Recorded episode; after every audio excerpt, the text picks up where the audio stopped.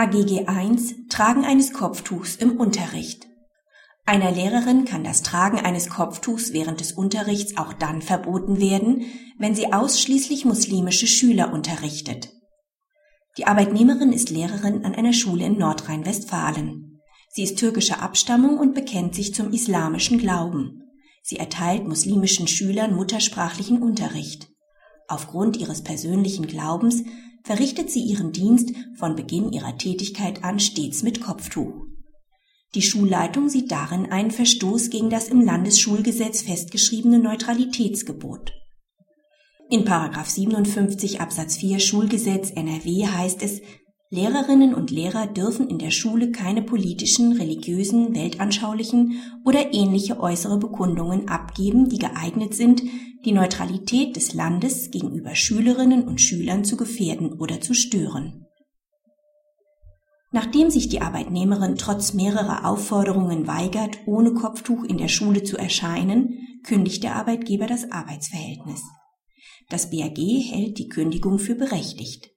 Sie ist aus verhaltensbedingten Gründen sozial gerechtfertigt.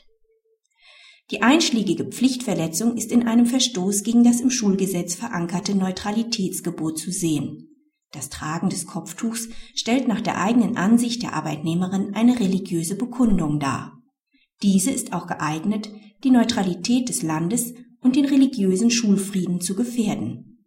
Der konkrete Nachweis einer solchen Gefährdung ist nicht erforderlich, da die gesetzliche Vorschrift einen abstrakten Gefährdungstatbestand darstellt. Dass die Arbeitnehmerin ausschließlich muslimische Schüler unterrichtet und diese freiwillig am Unterricht teilnehmen, führt zu keiner anderen Bewertung. Da der religiöse Brauch des Tragens eines Kopftuchs in der muslimischen Welt nicht einheitlich befolgt wird, kann durch das Verhalten der Arbeitnehmerin der Eindruck entstehen, dieser Brauch werde von der Schule gewissermaßen offiziell anerkannt. Eine solche Parteinahme soll durch das Gesetz vermieden werden.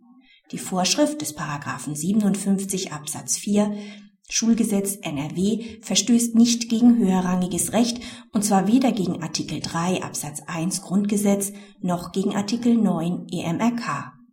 Die Vorschrift verletzt auch nicht das einfach gesetzliche Diskriminierungsverbot des Paragraphen 7 Absatz 1 AGG. Die ausgesprochene Kündigung führt zwar aufgrund des Glaubens der Betroffenen zu einer unterschiedlichen Behandlung, sie ist aber zur Erfüllung einer wesentlichen beruflichen Anforderung nach 8 Absatz 1 AGG zulässig.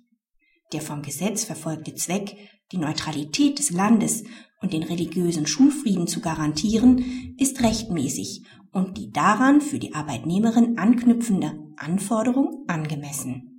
Denn das Verbot der äußeren Kundgabe der religiösen Überzeugung besteht lediglich im beschränkten Bereich der Schule und ausschließlich zum Schutz der negativen Religionsfreiheit anderer Personen. Die landesgesetzliche Bestimmung stellt sich somit als verfassungsgemäßer Ausgleich widerstreitender Grundrechtspositionen dar. Ausblick. Die Gerichte hatten sich schon häufiger mit sogenannten Kopftuchfällen zu beschäftigen. Das BAG hat nun die bisherige Tendenz der Verwaltungsgerichte bestätigt und dem Landesgesetzgeber auch im Bereich der privatrechtlichen schulischen Anstellung einen großen Handlungsspielraum im Hinblick auf die Untersagung der Bekundung religiöser Äußerungen eingeräumt. Im Beamtenrecht war dies schon seit einiger Zeit anerkannt. Im Schulwesen führt der öffentliche Erziehungsauftrag dazu, dass die negative Religionsfreiheit anderer Personen in stärkerem Maße berücksichtigt werden kann als etwa in der Privatwirtschaft. Für letztere nimmt das BAG etwa an, dass Arbeitnehmern das Tragen eines Kopftuchs am Arbeitsplatz grundsätzlich nicht Kraft Direktionsrecht untersagt werden kann